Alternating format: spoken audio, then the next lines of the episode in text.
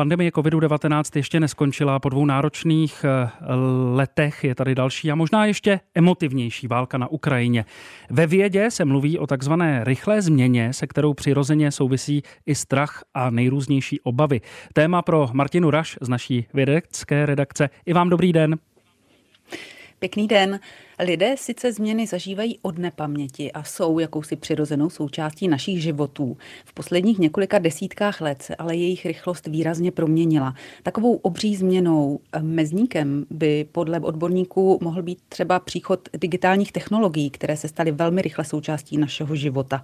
Pokud je situace v našem světě najednou jiná, než jsme očekávali, nebo když změna naruší komfortní zónu člověka, může se začít bát a cítit se ohrožený.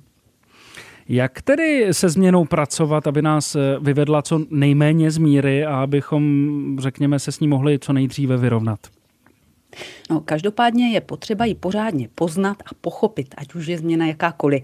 To říká Veronika Gigalová z Univerzity Palackého v Olomouci z katedry sociologie, andragogiky a kulturní antropologie abych mohla pracovat se změnou, tak ji musím nějak porozumět. Já si ji musím primárně sama pro sebe nějak interpretovat. A to dělám samozřejmě na základě toho, jak to vnímají moji přátelé, jak to vnímají na pracovišti, jak to samozřejmě prezentují média, to jako taky má velký vliv. To jsou všechno vlastně ty socializační faktory, které mi pomáhají tu změnu nějakým způsobem vstřebat, interpretovat, akceptovat. Jak říká například uznávaný norský antropolog Thomas Hland Eriksen, rychlostí změn se společnost přehřívá. Člověk se doslova otočí a nic kolem něj není stejné. Eriksen pojem přehrátí používá jako metaforu, kterou si vypůjčil z přírodních věd a snaží se tím poukázat na neustálé a velmi rychlé změny ve společnosti.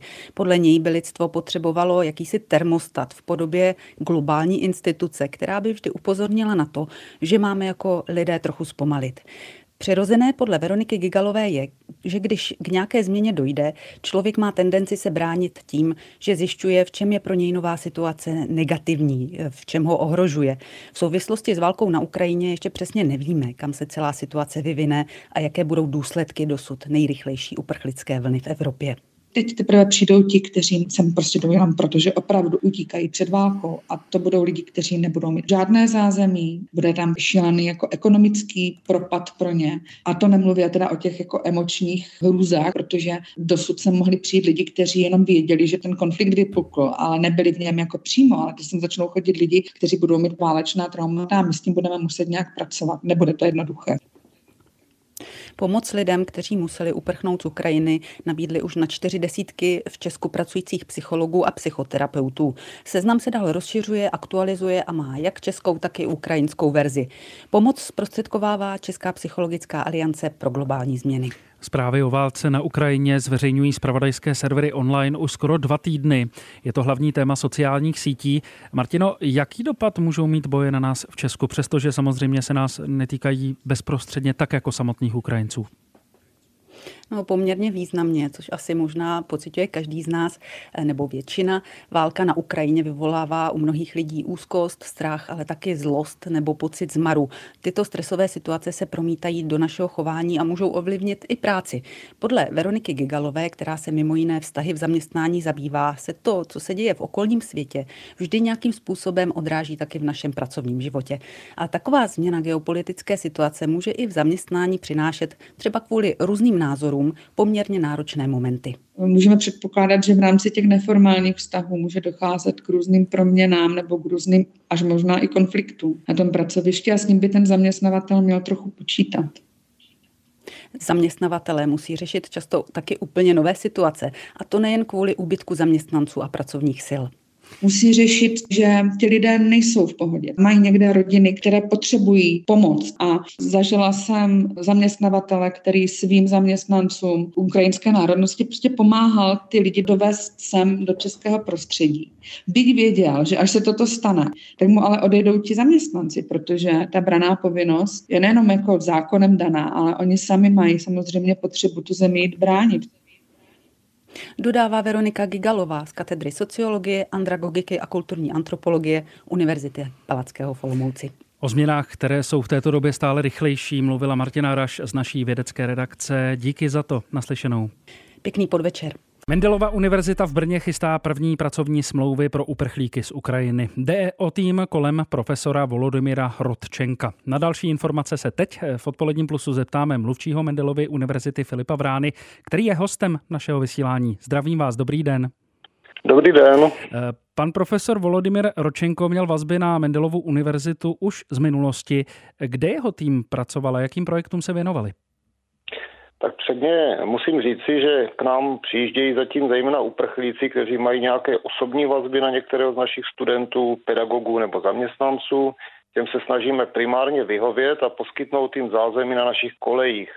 S profesorem Ročenkem byla ve spojení jedna z našich absolventek. Skupina kolem něj se rozhodla opustit Ukrajinu poté, co přišli nejen o bydlení, ale ruská vojska bombardovala i Charkovskou univerzitu Pan profesor je totiž zároveň prorektorem Charkovské národní univerzity.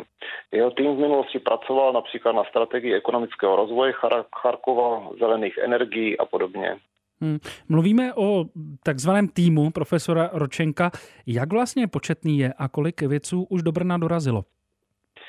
Celkem je nyní v Brně sedm osob, eh, včetně dětí, další mají ale přijet. Z pohledu vědců, jako počtu vědců, jde o několik jednotlivců, ale ta situace se v čase ještě bude vyvíjet. A kdy budete mít bližší informace k doktorandům? Podle posledních zpráv z Ukrajiny se zdá, že ta cesta je v podstatě čím dál složitější. My pevně věříme, že se k panu profesorovi v nejbližších dnech připojí i jeho doktorandi a také ty jsme připraveni zapojit. Někteří jsou ještě v průběhu studia, které u nás budou moci dokončit. A jak by to zapojení mohlo vypadat, jestli byste mohl stručně prosím přiblížit? Tak eh, Pan profesor se zabýval především, především managementem, to znamená, ti studenti jsou z podobných oborů, ale jak říkám, ta situace se vyvíjí.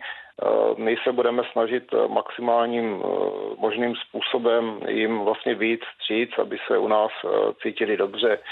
Jinak my vlastně připravujeme nějaké smlouvy, tak aby to mohlo fungovat a on už sám říkal, že v těch prvních rozhovorech, že vlastně nechce sedět se založenými rukami a chce, chce být přínosem. Jinak naše univerzita má pět fakult, ty všechny nějakým způsobem chystají vlastně tu cestu, jak ty příchozí nějakým způsobem využít. Eh, například Lesnická dřevařská fakulta nabízí ukrajinským studentům s ukončeným magisterským vzděláním studium doktorských studijních programů. Ještě uvidíme samozřejmě, jak se situace na Ukrajině bude vyvíjet. To samozřejmě rozhodne o tom, zda půjde o krátkodobé či další pobyty. Mm-hmm. A jakou další pomoc eh, je připravená, jeli Mendelová univerzita poskytnout ukrajinským vědcům? Jste třeba ve spojení s někým konkrétním, podobně jako to bylo v případě eh, profesora no, Ročenka? Zatím ne, je to vlastně ten jeho tým. Jinak my tady máme asi 130 eh, ukrajinských studentů. Eh, tam je potřeba říct, že se nějakým způsobem musíme zaměřit i na ně, protože oni mají často problém s finanční hotovostí, protože jejich platební karty nejsou v současné chvíli použitelné často takže mají problémy s například s placením kolejí, proto jsme zřídili standard, eh, transparentní účet, který je sice primárně určený na pomoc uprchlíkům, ale chceme řešit i potíže stávajících studentů. Na kolejích máme také eh, nově ukrajinsky a rusky mluvící koordinátorky, které nově přijíždějícím lidem pomáhají. Psychologickou pomoc nabízí poradenské centrum a tento týden začnou také kurzy češtiny pro uprchlíky ubytované na kolejích. Univerzity a vědecká pracoviště vypovídají spolupráci s ruskými a běloruskými univerzitami a vědeckými institucemi. Jaký je k tomuto postoj Mendelovy univerzity? Naše univerzita vlastně bezprostředně po zahájení té ruské invaze vypověděla smlouvy s ruskými a běloruskými institucemi. E, to znamená, že přerušujeme spolupráci na institucionální úrovni účelem vypovězení těch smluv není postižení studentů nebo akademiků, ale zrušení jakýchkoliv oficiálních vazeb s ruskými a běloruskými institucemi a studenti z Ruska a Běloruska, kteří u nás působí, tak samozřejmě mohou studium dokončit. A mohl byste, pane Vráno, prosím jenom přiblížit, kolika lidí se to vlastně dotkne a jakých institucí konkrétně? Tak v Bělorusku jde o dvě univerzity, v Rusku eh, jde o více než desítku institucí toho univerzitního typu. V většině případů se jednalo o vzájemné mobility, to znamená výměny studentů. Největší spolupráci jsme měli přes Lesnickou fakultu s Uralskou státní univerzitou v Jekatěrinburgu. Hmm. Včera odpoledne se na půdě Mendelovy univerzity, eh, pokud mám správné informace, znovu diskutovalo o válce na Ukrajině. Eh, jak vaši studenti situaci vnímají? Co jsou témata, která by například chtěli otevřít nebo řešit? Naši studenti se prakticky obratem zapojili do pomoci přes různé brněnské organizace. Eh, naše škola zároveň vyčlenila sklad, který přeměnila na sběrné místo hygienických balíčků to je v podstatě součást těch brněnských aktivit. Jedná se o pomoc pro Krajské asistenční centrum pomoci Ukrajině na brněnském výstavišti. Studenti zároveň pomáhají uklízet na kolejích a připravovat pokoje právě pro ty přijíždějící uprchlíky a organizují debaty, jak jste ji zmínil. Já jsem byl na jedné z nich, ne teda na té včerejší, ale minulý týden byla ještě jiná, kde se hodně třeba diskutovala otázka vstupu Ukrajiny do Evropské unie. Dá se říci, že těch debat e, se zúčastňuje desítky studentů a ty, ty debaty vlastně jsou na to aktuální téma, prostě zajímají se o tu situaci, není jim to stejné. Dodává ve vysílání plusu mluvčí Mendelovy univerzity Filip Vrána. Moc vám za to děkuji a přeju hezký zbytek úterý. Vám taky pěkný den. Zajišťovat internetové připojení na Ukrajině pomáhá už týden satelitní systém Starlink. V některých místech země je to jediný funkční neruský komunikační systém. Firma SpaceX ale varovala, že se širokopásmová služba může stát cílem ruských útoků a doporučila maskovat antény, umístit je co nejdále od lidí a používat je jen v případě potřeby. Redaktor Ondřej Ševčík se zajímal o to, co dokážou odhalit speciální radioelektronické prostředky v satelitech, dronech anebo autech. Nejlépe se antény, které přijímají a vysílají rádiové vlnění ze satelitů, monitorují z oblohy, jak popisuje docent Tomáš Godhant z Ústavu radioelektroniky Vysokého učení technického v Brně.